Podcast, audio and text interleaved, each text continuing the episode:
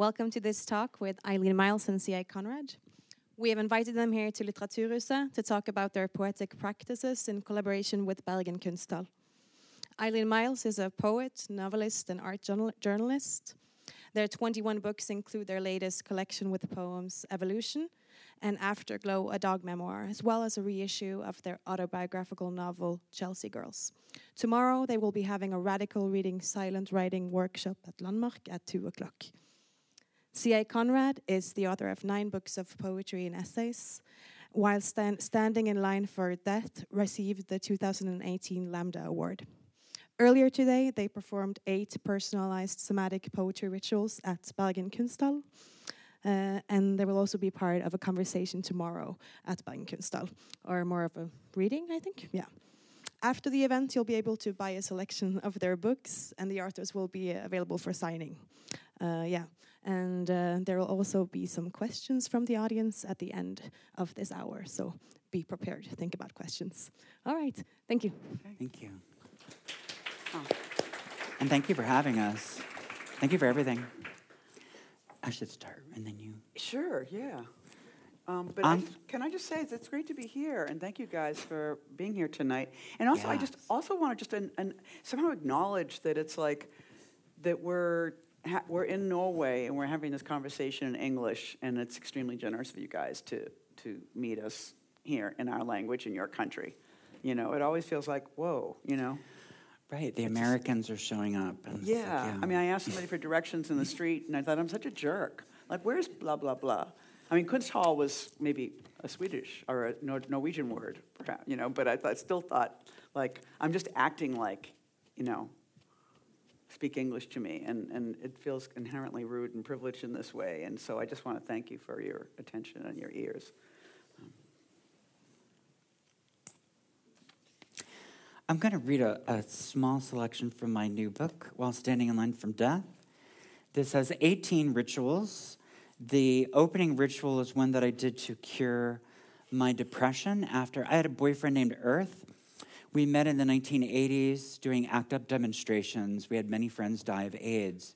And then when we found out we were both HIV negative and that we were in the clear, we celebrated, but it was very difficult bearing so many people. you know, for a while we just thought we were going to die with everybody else. It just seemed that way. So anyway, he got kind of burned out from his activism and moved to Tennessee to an all queer spiritual community to work in the garden and he was murdered. He was raped and tortured and then covered in gasoline and burned alive. And yeah, it's a very difficult story that I don't want to tell you the whole story, but I will say this there's a documentary that was made about my books and writing that wound up focusing mostly on his murder, which I'm very grateful about that because the police continued to say that this was a suicide, even though everybody in the story, from the paramedics the first responders to the coroner claimed that this is a homicide. I mean, his hands, his ankles, and wrists were tied together, and he was gagged. I mean, how could you have killed yourself that way, right? Oh, and there were no empty gasoline containers on the site. It was in a cave that he was meditating in in the mornings. So I don't know how you're supposed to drench yourself in gasoline without, you know, something that. I guess the killers wanted to recycle their can and just you know. Anyway, I did a ritual to cure the depression. And I, that's all. I'll just say that. I don't really want, I'll just read some of these poems. There are 27 poems. I'm just going to read six of these. Well, it's actually one long poem, but this is six sections.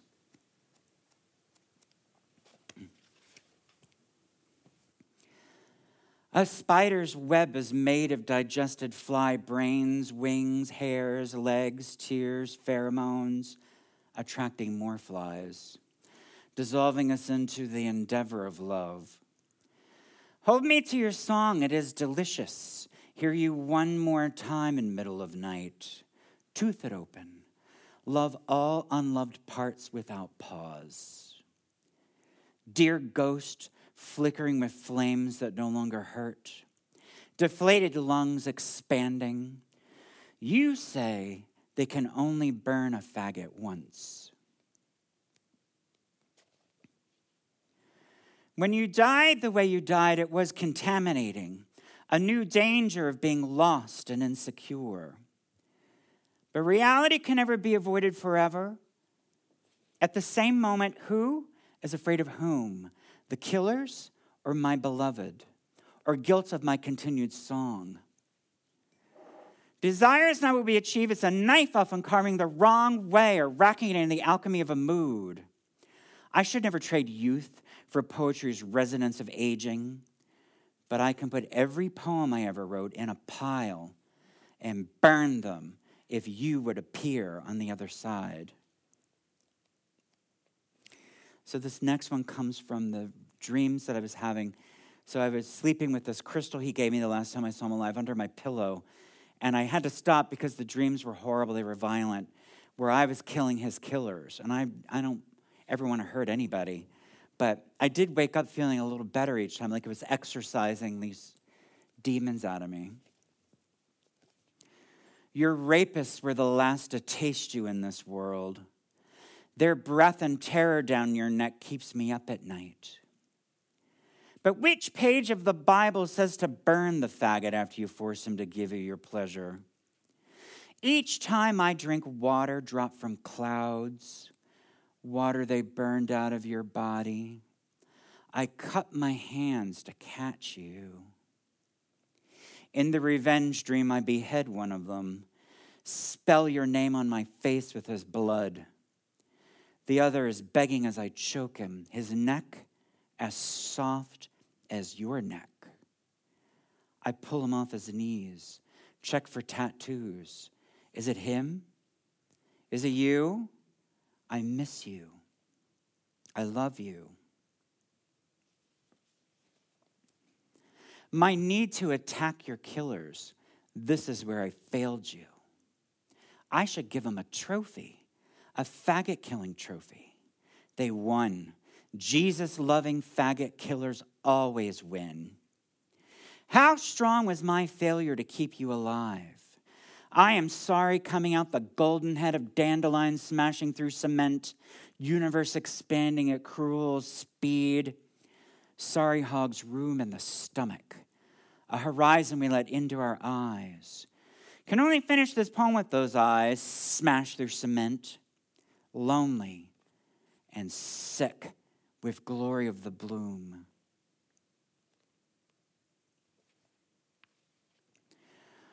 Poetry or another shovel, working where the real America buried you.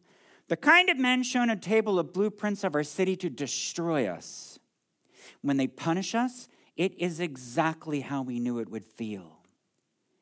Places with the least warmth, exchanged with places we miss one another in. Sunlight snorkel of corn silk as the hummingbird drinks your wounds away.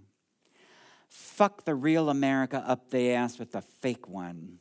Let it all be done, you said. Let it all be done, I said. Dear Earth, it is okay to not roll the stone back uphill. We rent memory storage in the world you left behind. Little wonder in this dell of broken treaties. Daisies bend under our slightest breath. You did not answer after you died. It is when I learned to be lonely everywhere between dreaming and crying until it calcified and fell off.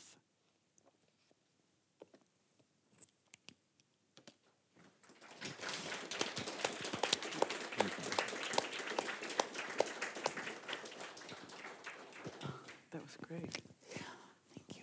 I mean, I'm down, when we talk, I'm dying to talk about um, how, how, how we read the stuff we read, you know, and how we start to happen to sound the way we sound. You know, it's very, it seems very particular the way each poet sounds when they read and what they do with their voice and, and what kind of communication this is supposed to be, you know, whether this is a, a report or a song or a, you know, an announcement or um, this, this book right here, which is called Evolution, is um, it's I think it's like it's love poems, it's um, political poems, and then my mom died in the time of the um, writing of the book. So it's it's which is again I, I suppose another kind of love poem too.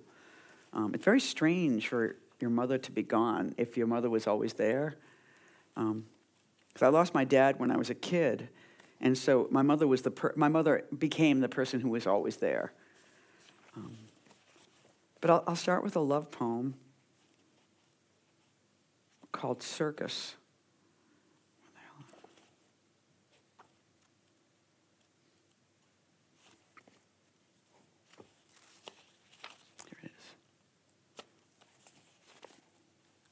Jill tells me about the show she is making, and I thought, it's like flowers.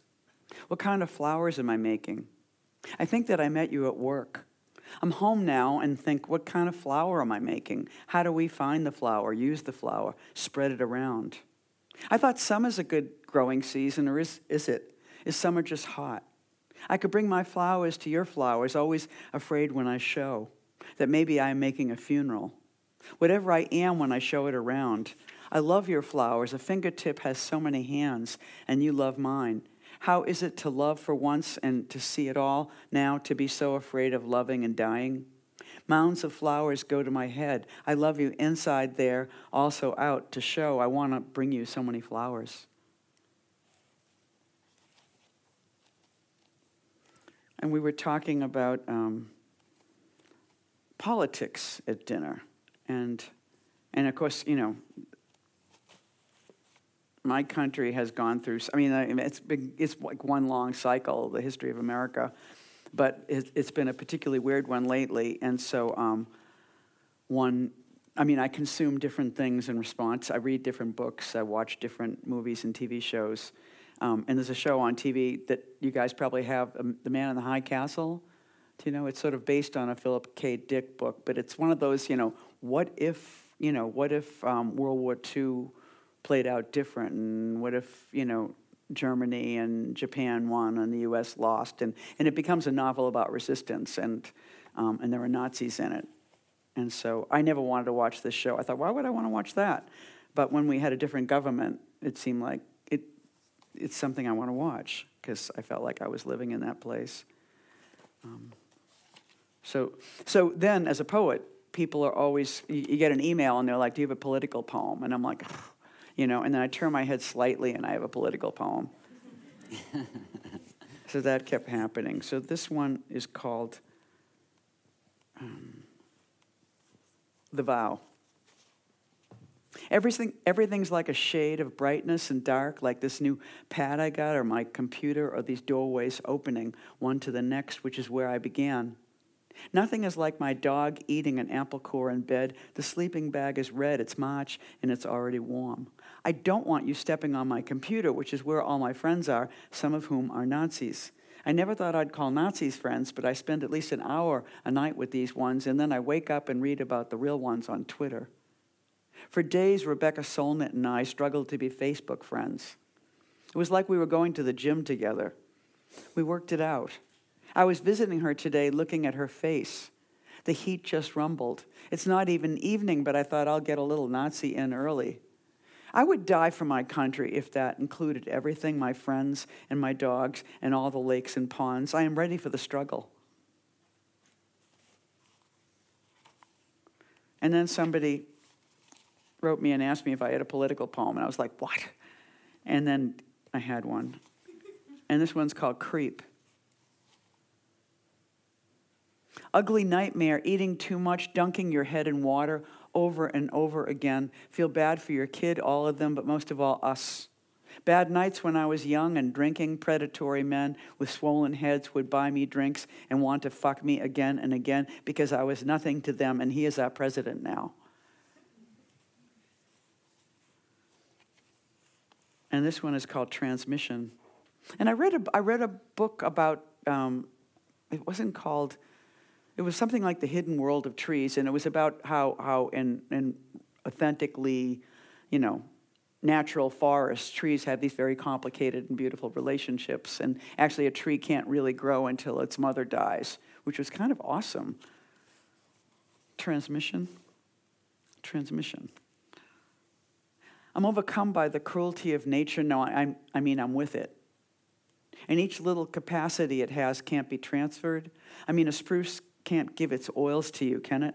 But that's how it grows in the absence of technology. My thoughts grow.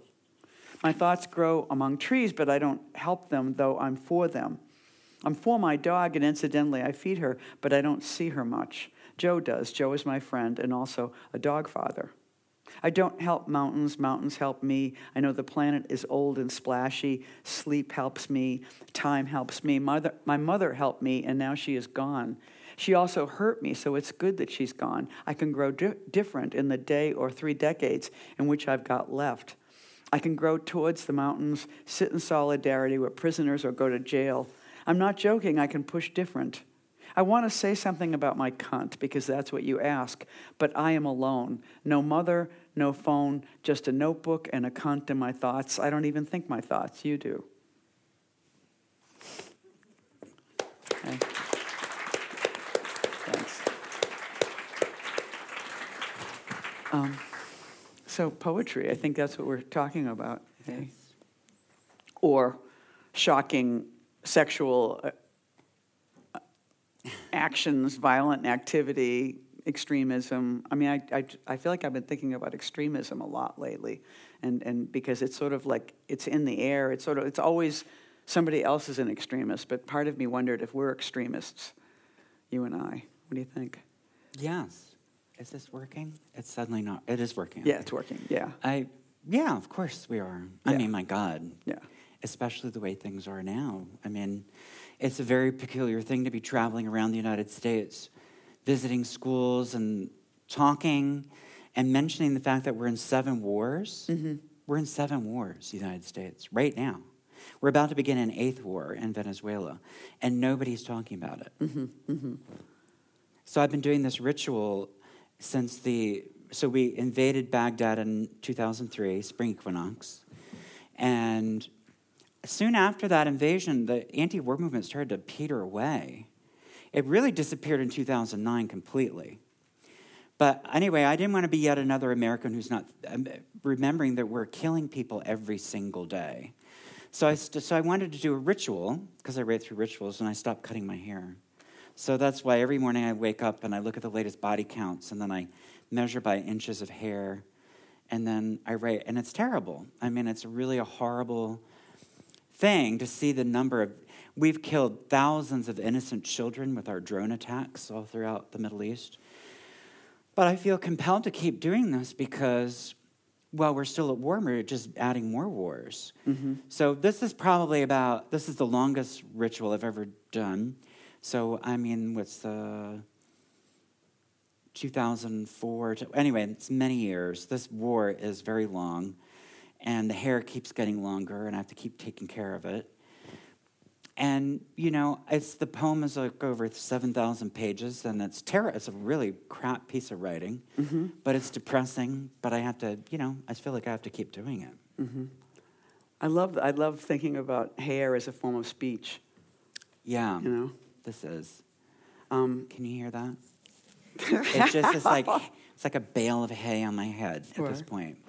I mean, so I, I think part of what we wanted to do is talk about how we got into this racket, you know. Yeah. And I, I mean, I think poetry for sure is a form of extremism in, in, in a whole lot of different ways, you know. And, and I heard that even in, in the sound of your voice when you were reading. But maybe you want to um, throw out how you came to this pra- right, practice. yeah. Yeah. So, I grew up in a rural town, very rural town in Pennsylvania, and all my family were factory workers. And my mother and I were outsiders. Anyway, she was such an outsider that she didn't want to work, and so she was a thief. And then she wound up in jail. And then by the time I'm eight years old, her life is just misery because she can't work, she can't make money. So she had this bright idea from her stupid hippie friends this idea that, like, oh, we'll put the kid to work. So from 8 to 16, I would sell bouquets of flowers in these rubber colored buckets of flowers along the highway every Friday after school till dusk, Saturday all day, and most of Sunday. Well, keep in mind, this is, we're talking about 1974. I began doing this. So there are no electronic gadgets, there no cell phones, nothing like that. So I became a reader. And nobody where I grew up had bookshelves or books. The Bible to torture, torture me with later. Of course, the Bible is always the great weapon um, against queers. And then, um, and maybe the TV guide. but they didn't read books. So it was already a weirdo and an outsider. And I thought, I had stacks of books I would get from the library every Thursday because I would go out and be out there reading. And then it was the next year when I'm nine in 1975 that I bring out there an Emily Dickinson book. And that's where it begins. Mm-hmm. I just fall in love with her immediately. Yeah, that's where it started. And then I start writing my own poems. But then, I, but then I, but then I run away as a teenager to Philadelphia, and I was excited about that experience. And I became a writer. Is what I wanted to do. I felt like I already was one. But then I had no idea that you know I'd heard about AIDS, and I, of course it was on the news, and Ronald Reagan's press secretary was already making jokes about people dying of AIDS, which was really nice of him. But then all of a sudden, everybody that I knew was dying. And then I meet you in 1990 or 1989. It's like one of those. I think 89. 89. And it was such a. Eileen is a. I hope you don't mind me saying this. Eileen is a. I don't know going to say yet. It was like, it's a hero, she's a hero of mine. They, they are a hero of mine. Sorry, I keep forgetting your yeah. name. But, you know, just to meet Eileen as this young person who's I don't know, I think maybe 75% of everybody I knew was dying of AIDS. And they were all my age. These weren't older people. You know what I mean? These are people like, we were teenagers and we were in our early 20s and everybody's dying. And then I meet Eileen, I meet you, and i I get to actually talk about it in this different way with you because you had all these other friends who were dying. And you mm-hmm. told me about Tim Dlugos, who then you, you introduced me to his poems, and it changed my life. And, uh, yeah, it was like a, a real anchor of uh, poetry that mm-hmm. you gave me. Like it's a really uh, good heart energy, and it was beautiful. And we met. We met in the day of the telephone, um, which I think I, I, I, think that it's so easy to kind of not notice how much technology just affects every single way that we that we meet and we come together. I mean, because I think that I came. I grew up in Boston, and I came to New York in the '70s, and it was so. Um, I mean, I came, I mean, I went to Woodstock. I came from the moment of big live rock concerts and small folk gatherings. And I mean, I think I never went to a poetry reading. I maybe one poet came to my college classroom. Um, and I thought, I just didn't know there were poets. You know, I, it was just so, it was a poet named Marge Piercy. Mm. And she came, and she was sort of like ugly. She sort of, by my standards, and this is like 1968 or something, she had like really messy hair and she just you know was sort of a hippie and she had sort of like a like a, a greek bag stuffed with books and her book had all these you know post-its hanging out. And it was just something that was sort of like you know it wasn't i mean i still lived in the suburbs with my family and i was commuting to college. And she just was like from this other world. And then she read these poems which were about being in new york. And it was like she talked about the clouds being like a snotty handkerchief and it was so gross, but it was sort of so strong. And it was so, it seemed so amazing to me that a woman could be so messy and strong and gross. And, and that's what she did for a living. You know, it was kind of like so awesome. Um, but I also came from, um, I came from a working class family, and so neither of my parents had gone to college. Though interestingly, my dad, who was both an alcoholic and a mailman, um, was a huge reader and also, um, because he worked for the post office, he brought home every single magazine that there was. So we got like um, National Geographic, Scientific American, Time, Life, Look. We had this Mad magazine, this huge influx of, of journals and magazines coming into this the house, like a very wide um, reading opportunity. And also, you know, I've been thinking about this a lot lately around families in class. Like I'm listening to your description of you know, your mother and um, stealing and cars and it's like it's an unconventionally shaped life you know? And that creates an unconventionally shaped person you know? It's sort of like and you know that like say political families spawn political children and families of doctors spawn doctors and families of lawyers spawn lawyers and you know when i would think about my own family i'm not a thief though my mother's a thief. I just wanted to say it because, like, my mother's a thief, but I'm not a thief. I'm no, sorry, but but pieces of that, pieces of that story. In fact, just the story, the story goes right into your books. Yeah. I mean, every bio I've ever read of you, that story is right there. So, like, she yeah. gave you this True. picture, which I is, love her. Which is an extreme picture. Yeah. You know? But um, I feel like I, I, when I would look at my own family, I was like, what did I, you know, what's the family business? And I thought, what, mental illness, alcoholism?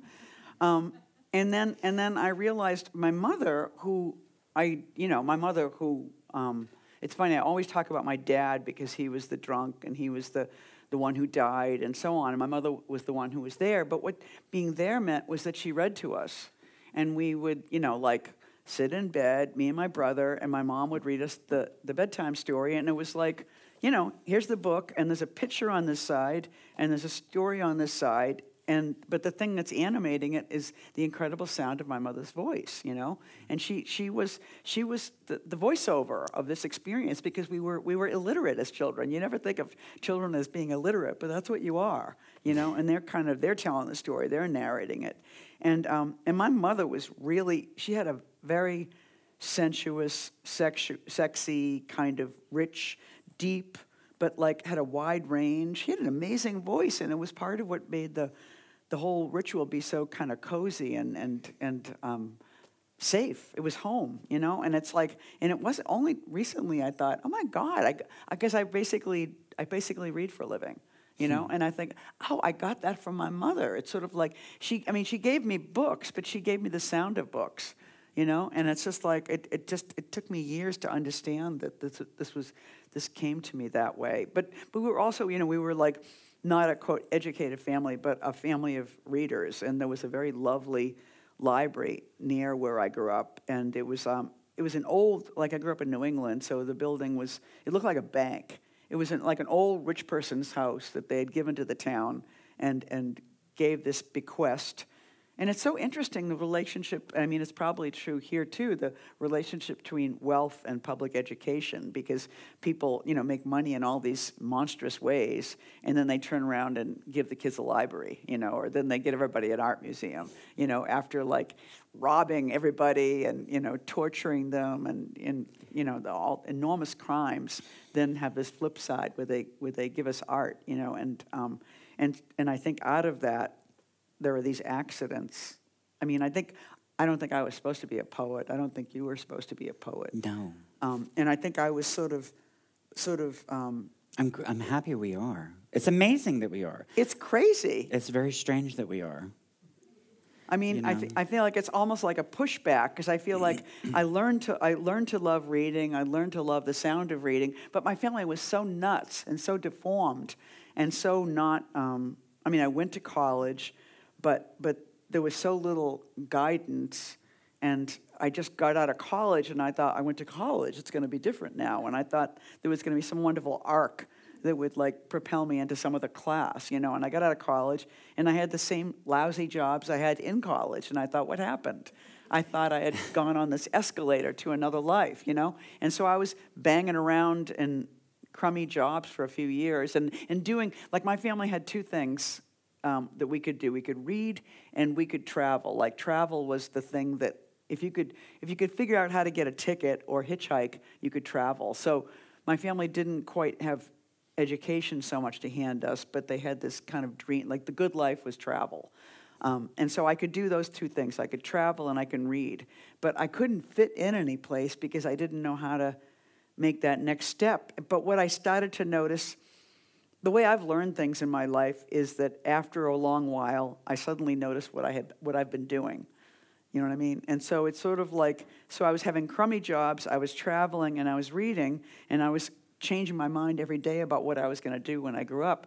But meanwhile, at all those crappy jobs and on all those buses and trains, there was always a notebook, and I was always writing. And in fact, I was writing poems. But I didn't think of that as a real thing. I just thought of that as this thing I did while I was waiting for my life to begin, hmm. you know? And then there was one day, and I'm, I'm curious about what that day was for you, but for me, I was at one of the hundreds of I mean, it was a slightly better looking job. Like I was working at a publishing com- company in Boston, but I just had a rotten job. I was just like um, if you had a subscription to this medical magazine and you wanted to change your address or something, you would write to my department. And it was kind of like we would fill in these forms with pencils, you know, and then we would give it to somebody else who had a computer and they would input it. So, but what it meant though was that sometimes you would have to write letters to these people and explain why their August issue was late. And so I had a big ass typewriter, an electric typewriter in front of me that was like state of the art in 1972. It was like an awesome typewriter. You hit the button and it starts humming. And I was like, oh my God. And I would I could type poems all day long at work. And I was like, this is incredible. And one day, because this is the question whenever you do, you know, you do a book tour, people ask you, uh, there's a few questions people always ask. And one of them is, how do you know if a poem is good? You know, and that's like the great question, you know? And it was like, and it's kind of like, how do you know when sex is good? You know, like you just know, right? And it's like a mm-hmm. poem. You write one day you write a poem and you're like, that is a good poem. Even I know it's a good poem, you know? And it was like when I wrote that good poem, I looked at the poem, I looked at the typewriter, I looked at the room, and I thought, oh, what if this is the job and that isn't? You know, and like the whole world reversed at that moment, like it went inside out. And I thought, oh, okay, so I am living in this, not in that. You know, and it was kind of an, abst- an act of abstraction, but it saved me, you know, because suddenly I was in a funny shaped life because I was a funny shaped person and I could use all those skills I had to just do this thing. And I feel like I've just been noodling for 50 years now. Um, so that's how I got to this chair in front of you guys sitting here tonight. And, and well, I, I just, poetry was the only place that I, once I started writing it when I was a little kid, I mean, growing up in this, so the town I grew up in was the headquarters for the Ku Klux Klan in the eastern seaboard. So all the people up where you grew up in that whole New England area, when the, the fascists would come to my town I don't know, a couple times a year and have their ridiculous rallies. And I was too young to even understand what it was all about. I went to the Halloween parade. Halloween parade, you know, where you dress up in costumes. Well, I was just, I don't know, eight years old, and uh-huh. I hear all these people cheering. And then these, and the Ku Klux Klan comes by, and I was like, well, those ghost costumes aren't even any good. What are they like? And they're saluting them. They're doing Sieg Heil. They're doing this. They're crazy. And I went home and told my mother. I said, what were they doing? She's like, they're just idiots. You know, just my mother hated this town so much. But um, no, poetry was the only place where my voice, where I could hear myself. Mm-hmm. So when I left to go to the city, it was to be, to actually, because I wanted to be a poet. Uh-huh. And I did it. But then I found out that, uh, so decades go by and I'm writing and I'm loving my life. And then in 2005, I go back for a family reunion. And on the train ride home, I realized that at that factory that I was raised in had followed me. Like if you like, it, I you know everybody I, I come from they're factory workers, and and what I mean is you're an extension of a machine most of your waking hours. And my family literally does not know how they do not know how to be present. Mm-hmm. Because why would you ever want to be present if you're just at this metal press machine? Most of your so they so they're so to cope with this they become anxious about well they become depressed about the past anxious about the future. Depressed anxious depressed anxious. There's no present. Mm-hmm. and when they leave work they don't know how to flip that switch to locate relocate themselves in the present. That's what i wound up discovering in 2005 i could see that little factory on my desk when i got home and it was a crisis. I stopped writing I thought I may never write again. It was so terrible. I did not want that factory in my life. Well, what do you mean you, you saw that little factory in your desk? Well, I could see like the way it was tabulate. Like I truly believe being raised by factory workers mm-hmm. that the more efficient you are, the more brutal you become. Mm-hmm. Efficiency breeds brutality. And I could see on my desk like how I was tabulating things. It was just too efficient. But besides that, I realized that I didn't have any sense of the present. Mm-hmm. Mm-hmm. So that's when I started creating these rituals in 2005. And the first ones I did, I decided, okay, what I need to do is find this completely bizarre way of being present, where I'm, the, the strangest things that you can do keep you rooted in the present. And I would go to these big, giant bookstores that are horrible, like Barnes and Noble, and I would re- read the. I was really interested in. I still am interested in reading marketing research, because marketing research books are the new anthropology as far as I'm concerned.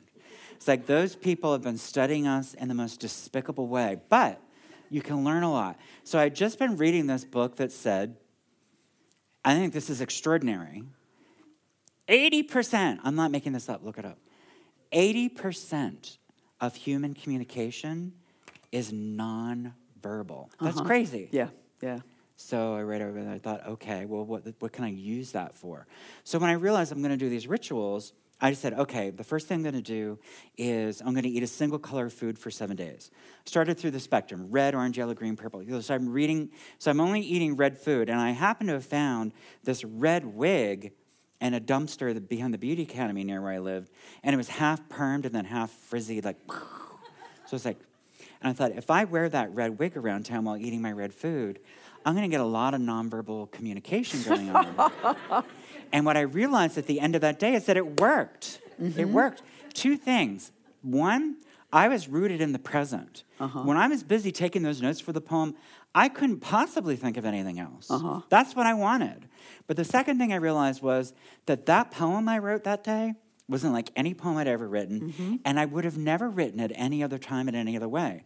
So now these rituals go on to like, I realize every nuance inside the ritual, if I add an ingredient or shift another one, it changes the way the language comes out of me.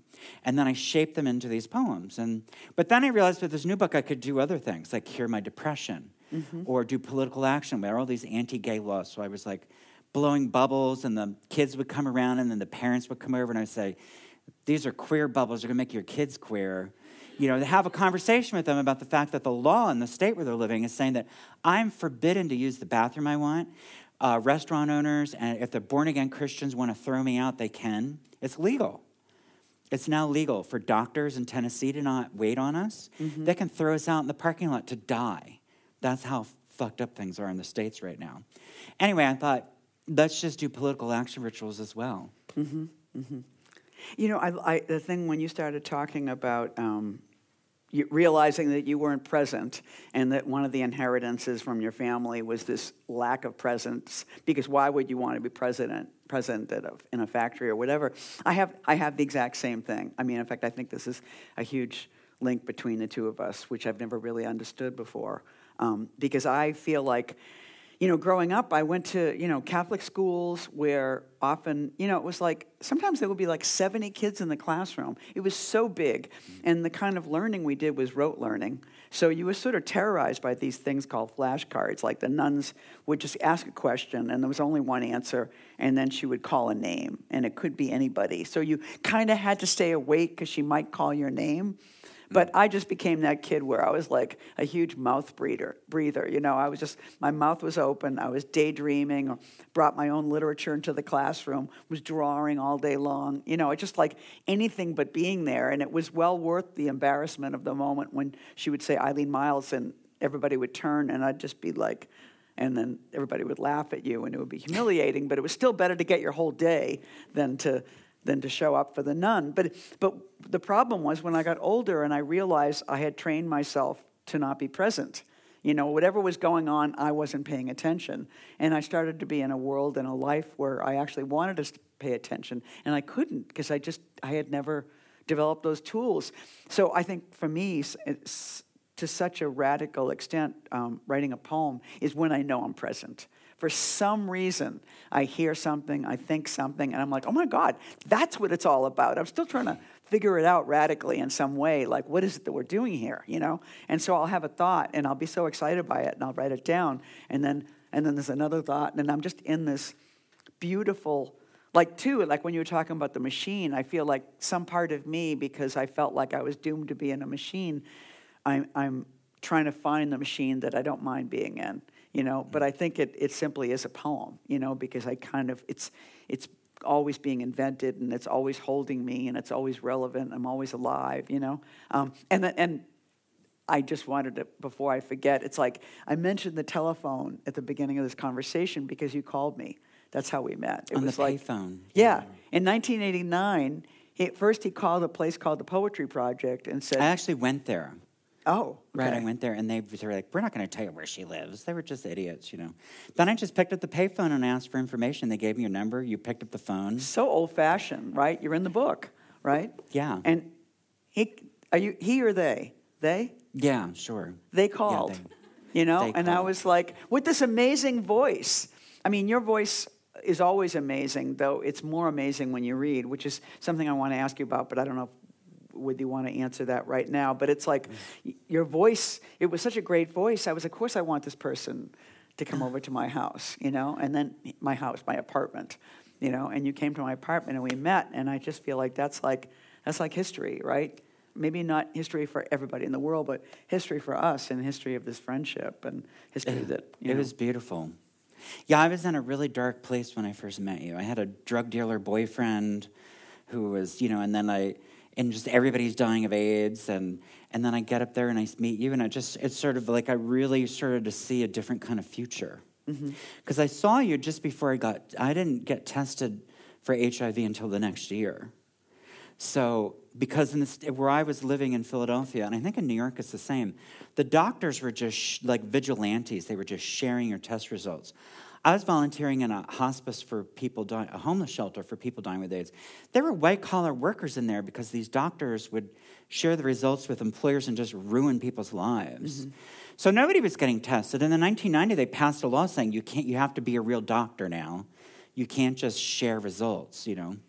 So then we got tested, and it was like the first time in my life I could see that I had a future mm-hmm. in years. But as far as the voice, I um, because you hit this kind of funny, tinny, flat register, which is very like you use it like punctuation, and and there's only you and a poet named Philip Whalen, who was like the first generation of beats, who's a really great poet, um, but it's still different. Did, did, you make up that voice, or is it it's you? But is it is well, it? Philip? I trained my voice, and I would score all the poems to know how to where to inflect. And, I, and I, had, I was dating an opera singer for a little while. That was such a nightmare. But the thing is, he, um, I came back one night after reading and, and I said, I don't know why, but tonight I couldn't hit those notes. He says, It's because you had tacos. I said, What are you talking about? He's like, Well, if you eat spicy food, it knocks out the top register and lemon the bottom, and you had both. I said, Well, thanks for telling me now after I'm finished. That's the uh-huh. kind of human being he was. But then I realized if I'm going to be reading my poems, I have to not have any spice or lemon for a good eight hours. And then I can hit all those notes. That's amazing. Huh. My thing about how I read is that um, when you first hear poets read, they're like, the night was incredible. And they just do this like, they put this significance on there, or their, and they never find the machine you know, like every word is really important. And I've really felt like when I first started being a poet, I couldn't understand how people could give themselves permission to say that they were poets. It seemed like this amazing thing. And I thought, well, if I just talk like myself, I can be a poet. If I don't, you know, if I stay in the Eileen costume and say that Eileen can be a poet and read it as if I'm Eileen, then I have permission you know like I, I just would be like a sort of a self-inventing machine which which really became kind of my survival. And then later um, a, a, writer an artist that's david wojnarowicz was um, my generation. And when i saw him he died of aids um, and when i saw him quite close to his death he gave a reading, and it was an amazing reading. And he was talking about what it felt like to be dying, to be young, and to be dying, and to know you were dying. And he was like, "I'm like a man made out of glass. I'm like a man made out of glass, waving at you." And he was already so thin, and he was so young, and he was really narrating his own disappearance. But he was reading fast as hell. He just was reading so fast, and I listening to him, I thought, "Oh, it's like music." Because I wasn't getting every single word he was saying, but I was getting the movement of his body, and it was like he was a musician. And it was also, I was getting the waves and like the intensity of the poem more than I was getting the words. But I was getting the words too. But it was like, it was the first time I got that it really doesn't matter. Like, Everybody's sitting here thinking their thoughts. Like you're hearing something we say, and then you think about something, and you don't hear the next thing we say. And nobody's listening that intently, you know? And so there's a way in which, when you're reading and performing, you need to know that and just be kind of listening and reading yourself intensely and just kind of kind of grooving with the music of it and not worrying about what you guys get just kind of being with the um, just being with the the beat of it and the wave of it and not the particle of it. You know, it's not like dots; it's like waves. You know. And I think you must have learned that very young because Do you remember last year? I think it was last year or two years ago. I was invited to the Poetry Project to do this extraordinary thing where they invited me to go over the 1977 archive of Eileen Myles reading with Joseph Ceravolo. And to hear your 1977 voice, the thing that I was fascinated by was the cadence was there. Like the voice was a different register because you were younger, the mm-hmm. vocal cords, but that energy was exactly the same. Huh. Just that, like, like you have this one poem in the book where you're talking about, which, by the way, I had never encountered. I think it's from Sappho's Boat. I'd never oh. encountered a, a, a, woman poet writing a poem like this until yours, where you're literally creating a constellation in the sky above you and calling it your name. Uh-huh. Like that was such a male thing to do. It was like so refreshing to have a woman be like, I'm taking up this space in the sky. Uh-huh. Enough of Orion. You know, it's kind of beautiful. Yeah, I think it was like such a bad pun. It was like Eileen miles above my head, and yet yes. would like to smoke. You know? Yeah, exactly. Should we both read one more poem? Yes, yes, yes. And I think probably little ones now, right? Yeah, I'm just going to read one poem. This is a new poem. So I've been doing a long ritual around the United States when I'm driving uh, with extinct animal sounds. And I don't, I, whatever, I don't want to get into that. But the thing is, it's, but the thing is this, so, that, so I lived in Philadelphia for most of my life, and I'm not living there anymore, but I was house sitting there in December and January, and I wanted to write an essay, uh, finally, about all these people who I loved who died of AIDS. And it was just, I just, I didn't write it yet. But, this, but they, they these men appeared in the poem. And uh, it's shaped like this, if you want to see it. I don't know if you can see it. Hmm. They, all, they all have these shapes. You cannot return a stretched mind Human life expectancy is rising. I ask which group they mean, no one knows the answer. My favorite lovers were men who knew they were dying. They taught me to race to my limits without hesitation. Sometimes it takes more death than I can endure to caress life. If you could have seen my face the moment I realized no help was coming, despite every dream of lovers around the globe uniting, grateful for our embrace to hold the sadness different. We are too fragile for the world we are making, pretending to be tough, a sudden fear of heights over the Atlantic.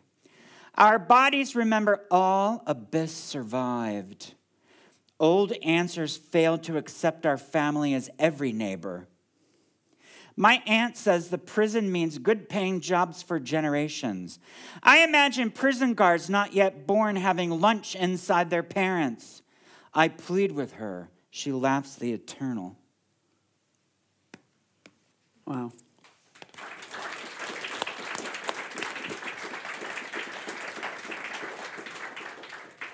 Um, this one's going to take five minutes. You think that's cool? Yes, please. Yes, it's cool. more than cool. Yeah. We want to hear from you guys too.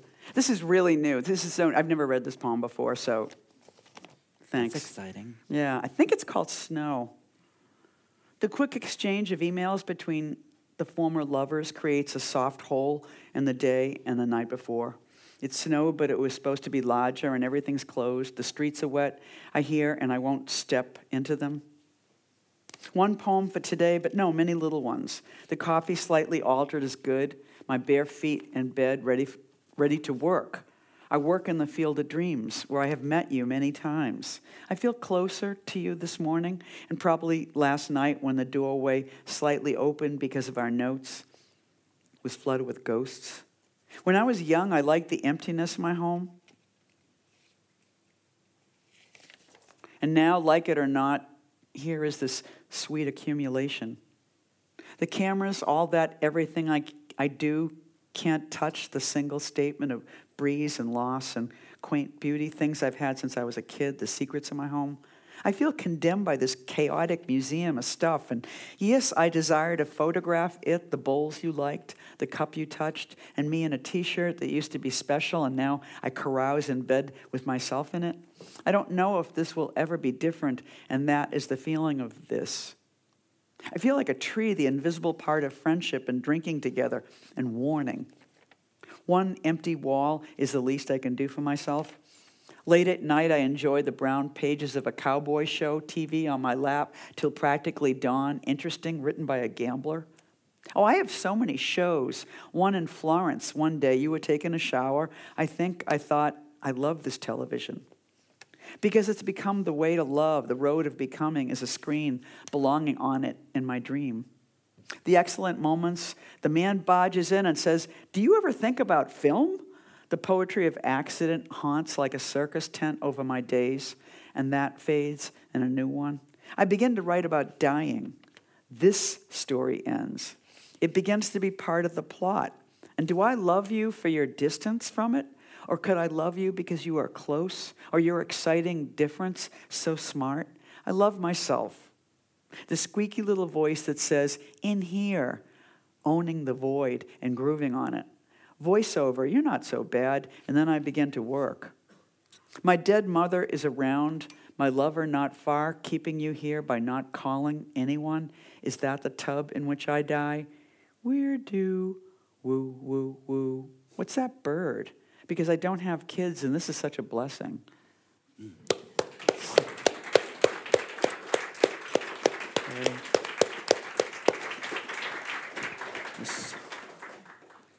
fabulous, that new poem. Snow. Thank you. So, you guys, what do you think? Huh? Uh, thank you so much for sharing these stories and these thoughts with us. It's just so amazing. And uh, I have a question, I think, uh, mostly for you, CA, and it is about rituals. And I was wondering about this. Uh, uh, I know that you have these rituals that are personalized, individual, individually for people to overcome trauma, to deal with some difficulties.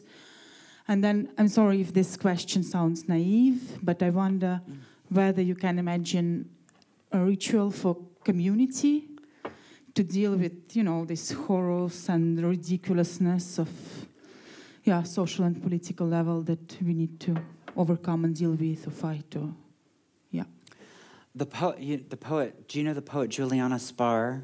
She's in the Bay Area. She's pretty terrific. But um, she and I had a conversation about this the last time we we were here in Bergen for the One Poetry Festival, and she, I was talking about that very subject. And I said to her, I said, I'm going to make a ritual that's going to be community oriented. And, she says, I don't think that it's possible. and what I realized was she's right, but but I also realized was that the most important thing is to do, just talk to one person at a time. Because the real problem with this idea of community is that we're not, we're not spending enough time asking each person what their interests are in making community. And, I, and so, you know, one of the things I'm going to be doing when I get back, this has nothing to do with rituals, sorry, but um, I'm going to be beginning this thing called Poetry Commons because I drive around the United States all the right. time, and I'm going to just meet poets in the free park. It has to be free. Parks, you know, local parks, and we share food and conversation, and we're going to talk about these wars we're in. We're going to talk about all these things. You know, you can talk about Trump if you want, but I'm more interested in talking about the fact that we've been in these wars for so long now. We've killed millions of people, and we've paid for it. So, how do you deal with that collectively? the shame of it, the guilt of it, the anger behind it. Nobody's talking about the wars, but the poets do once you get them started. So that's what I'm interested in doing into personalized rituals with people for whatever they want to do them with. I just, you know, I make them everywhere I go. I don't know if I answered your question, Maria. I like it, whatever it is. Uh, hey, uh, you were discussing poetry, and you told, uh, and you said that uh, poetry was a form of extremism. Uh, why do you form think of what? Extremism. Yeah. Ah. Why do you think that? And uh, what is it about? Um, what is it that makes poetry extreme? I mean, I, I think that I, I was thinking exactly that when you were just speaking. You know that that you know in so many situations, and certainly in America, um, so much is unspoken. You know, it, it, that so that it, in a way you're kind of tearing a hole in the fabric even to express yourself and, and you know and it's so simple but it's sort of like to say something that doesn't need to be said that isn't asked that isn't invited that isn't um, required you know it's it's it's it's excessive. It's kind of waste in a way. And i think in, in the context certainly of, of of, america in a kind of a state of kind of consciousness lockdown i think poetry is a kind of extremism just to, to even do that thing, which is to which is to bother to take part in a collective project, to show up, to want to talk, and in not even necessarily call it activism, but maybe this thing before, or you just start to say what you have and what you've got. But I also think it's like, I mean, I feel like what's really useful and valuable about poetry to me, and has been that way for 40 or 50 years, is that no matter where I am, it is. You know, it's sort of like so that I can be thoroughly angry. I can be absolutely depressed. There's no, there's no wrong. It's so often extreme. It's, it's usually a little more, which is what tips me into writing. It's not the, it's not the practical. Like the second part of the word emphatic is phatic and I, it must be from Latin or something, but it just means small talk. It's just like bullshit. It's like, how are you? And how, you know, how's your house? How's your life? How's your kid? You know, and it, it's just like, and a lot of people, like, I don't like phatic, but actually, phatic makes us really safe. But I think it's sort of like poetry is like extra phatic, you know, which strikes me as sort of extreme, you know. So I, I kind of, I don't know, I just, I think it was just, just knowing we were going to be sitting here. And I never had this thought before that poetry is extremism, but I, I think it is. I think it is. And it, actually, I think maybe, maybe I think too that I think it's a time to think about extremism in all its forms. Like, what does that mean? You know, and how instead of instead of saying extremism wrong, think about what the hell we're even talking about. You know, and how to how to kind of occupy that in a way, because it's such a piece of it's it's the other side of that silence. You know. But poetry has always been extreme. When I think about Plato's Ion, you know, Plato said that the poet should be exiled from the city limits. Mm-hmm. And here's the story about this. If you read the scholarship around that, it's incorrect. I'm sorry, it's just bullshit. They claim that Plato wanted to get rid of the poets because we were busy making up fairy tales about gods and goddesses. No. It's because he was busy giving these stupid speeches about democracy being like it's okay to have slaves, like it's good to have slaves for the republic. This is why the founding fathers of the United States loved Plato, because he was a slave owner and he thought it was great. They were all slave owners. So then you get these poets in the audience saying, like, that's bullshit, your idea of democracy. Why are the women not allowed to vote? Why is it just property and all this stuff? And then he's like, get them out of here. And to be exiled in ancient Greece was a big deal. Plato's teacher Socrates had two choices commit suicide or go into exile. So he chose to kill himself. That's how horrible exile was. I think that we've always been there screaming at these people, the, the power structure. That's what I think. Also, you know, going back to this whole thing about Juliana saying you can't change for the community, but I believe that when I'm going around doing these personalized rituals, I'm constantly meeting people who have strayed from their creative core. This world we're living in right now is a nightmare. All this idea of jobs and what a stupid idea for a planet. Mm-hmm. You have to go to work. Fuck you. And it's like, all it does is destroy you, and then you, keep, you can't create a marriage. I'm 53 now. When I was a teenager, I had a few hundred peers who were artists of all kinds. By the time we were in our late 20s, half of everybody had already stopped. Now it's very difficult for me to find anybody my age who's still creating. So when I go around talking to people to be creative again, creativity is everything. Mm-hmm. We need to be treating creative, creativity as a vital organ in our bodies. Because everybody is creative, every single human being. And I've watched Occupy Wall Street. I went six different times. 80% of everybody I met there was an art student, a creative writing student. And when the police would throw a barrier up, they would huddle together with their creative minds and they would have a solution. Mm-hmm. That's what creativity will do for you.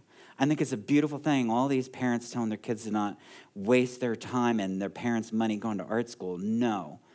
You need to not listen to them. To take up some space and go to art school. Don't, what are you going to go to business school? Yeah. I mean, you know, I think it's good. Be Also- extreme. Also, it's pure utterance. You know, I mean, I think I, I, I feel like I'm, I'm not the only person in the world, and certainly not the only female or queer person that struggles with the notion that if there's only one person in the room and it's me, that somebody's there. You know, I mean, I think in socially, I think it's just such a cliche that women would be approached in public spaces and some dude will come over and say, You girls here alone? You know, and this implication that two women are in public are alone or one woman in public is alone in a kind of a negative way. And I think the flip side of it is that when you indeed are actually alone, um, I feel like it, it is just so instructive for me to have ways in which I realize I'm both alone and not alone, that, that I am a presence, you know, in my own company. You know, it's like I resent when I go to a restaurant and someone say, Is it just you? And I was like, What, what does that mean? You know, do you say that to men? Maybe, but I just, I feel it, I take it very personally, you know, that it's like, you know, all all alone tonight, you know, and it's just, that's crazy, you know, and it's just to be a radical presence means to, to make a mark and to do something, to cast a shadow. And I think writing is simply that before you even have a career, even before it's a beautiful thing, even before you know what it is, the fact that it is, is to me, is so profound. I remember my mother saying when I was a kid, um, somebody said, Oh, is your husband babysitting tonight? She's like, Fuck you. Why are you asking me that? You wouldn't ask him that if, if he were out. Is, he, you know, is your wife babysitting? Like, oh, the husband's babysitting because you're the woman and you're out on the town at night. I don't know, just another thing to say, I suppose.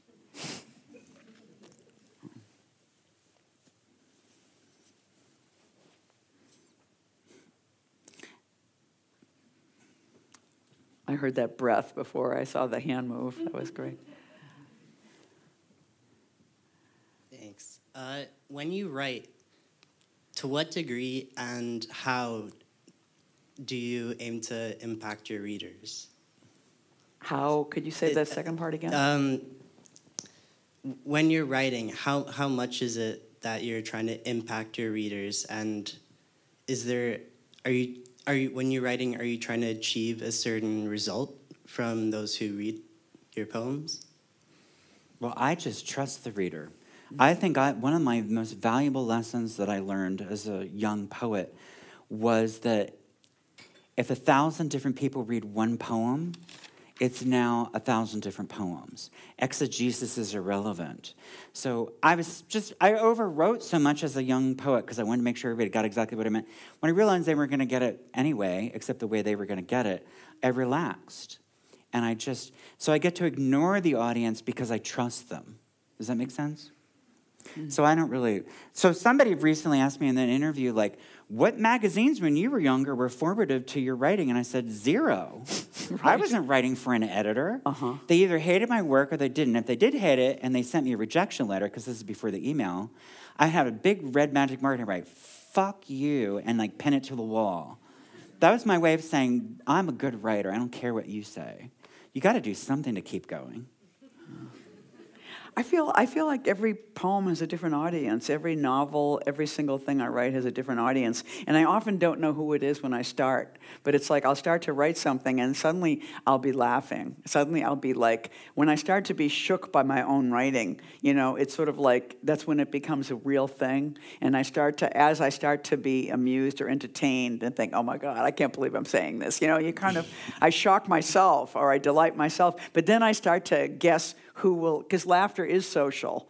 So you start to laugh by yourself, and then you imagine who else will laugh at this, and so the audience starts to develop from that response. But I feel like I feel like every it's like sap rising. When I start to write, I start in a kind of a still place, and then it kind of finds its level. And I feel like everything I write has a different level, a, a different pitch, and it's sort of like once I start to occupy that space and start to see what it is, then I start to know who's there you know and it's often you know like it's certain people but then certain people like that person you know like so i don't always write things that are like um, i mean the, the two things i read here that are political were very much in response to prompts but other times i'm i start to write something and immediately the way it starts to gather i was like oh this is kind of like kind of a political poem, you know, and it was kind of like, and it's fun right away. And I, and I even literally start to imagine where I can read this and what the occasion is. And, you know, and, you know, there's all sorts of pride and ego involved that also just kind of a,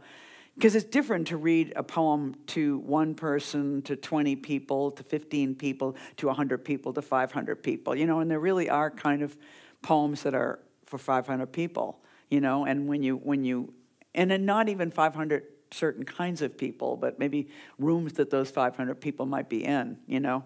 But I feel like it really comes. It's like it's like a meal or an experience of any profound sort. That it's sort of like it starts to become. It starts to develop an audience as it starts to become alive. Once it's an organism, you're not there alone anymore, you know. But I, I, I never know when I begin who it, who it's for or who will like it or even if I like it, you know. You know, I have to say that when I was doing that 1977 reading that you did with Ceravolo, I was blown away by the fact that I'm doing this about, well, first of all, somebody who I consider my hero, you, but also the fact that I had this wrong idea about Ceravolo. So his last book, I just thought those were new poems that were published just before he died.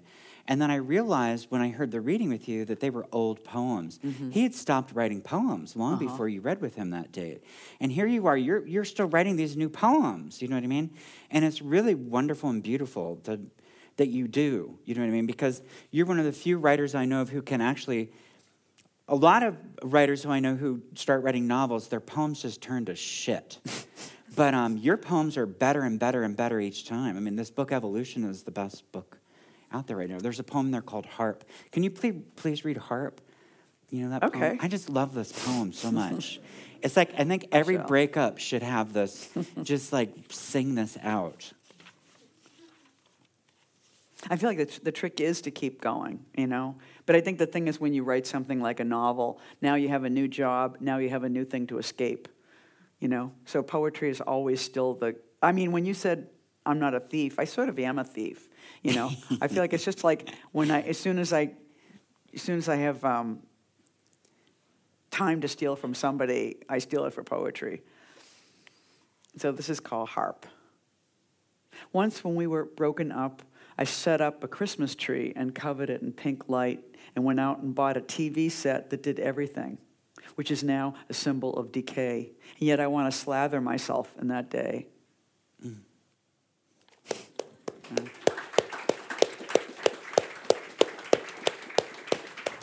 We, we're kind of we kind of there unless there's a final question. Oh yeah, there is. Yay. Uh, so when you finish or like you decide to compile your poems into a book or you decide to publish it, is there a certain um, what, sorry I forgot the word. Is there a certain format that you put your poems in so that there's a sort of climax when you're reading it, or do you just kind of put your poems into these books at the same times when you've written it. that makes sense. Mm. Or do you is there basically is there a certain way that you put your poems into your books so that there is a sort of underlying story? Hmm. Hmm. Hmm. Well, I frustrate publishers because I'm I'm I'm rewriting poems right up to the very last moment.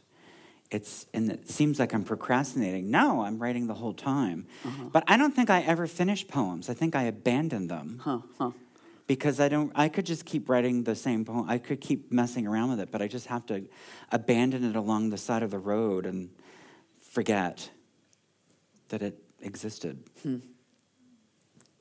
I feel, I feel like I feel like um, I feel like writing poems is like a calendar or a notebook or a journal. It's sort of like it just is very seasonal. Like it's sort of like every book. I mean, often it is for me. It's like falling in love, breaking up, you know, politics, location. You know, this sort of like it winds up being kind of a chart of three or four years, and whatever happened in those three or four years will will un- invariably be in this book. But there still is a thing where it's sort of like it's kind of like precipitation. You know, like the poems fall, and you don't quite see a pattern for a, for a period of time, and then they start to. It's sort of like, and then the precipitation thickens, and you're like, oh, oh, there's a shape in that you know, there's like the invisible man, you know, you can kind of see somebody under the snow or something. And it was like, oh, there's a figure in there. And so, in a way, it's sort of like the, the poems kind of dictate the form in a way, you know, because you start to see the patterns as you're writing the work. And then sometimes I'll then write into those patterns, like do a little more of that so that it starts to have more of a shape, you know. Um, and the book, I mean, I feel like the book is the time when I, I, I love you saying that you let go of the poems. I feel like I let go of the, the poems en masse. You know, it's sort of like I've just been with these poems and that life. Like I, when I think about, it'd be amazing if you still had all the clothes you ever owned. Mm.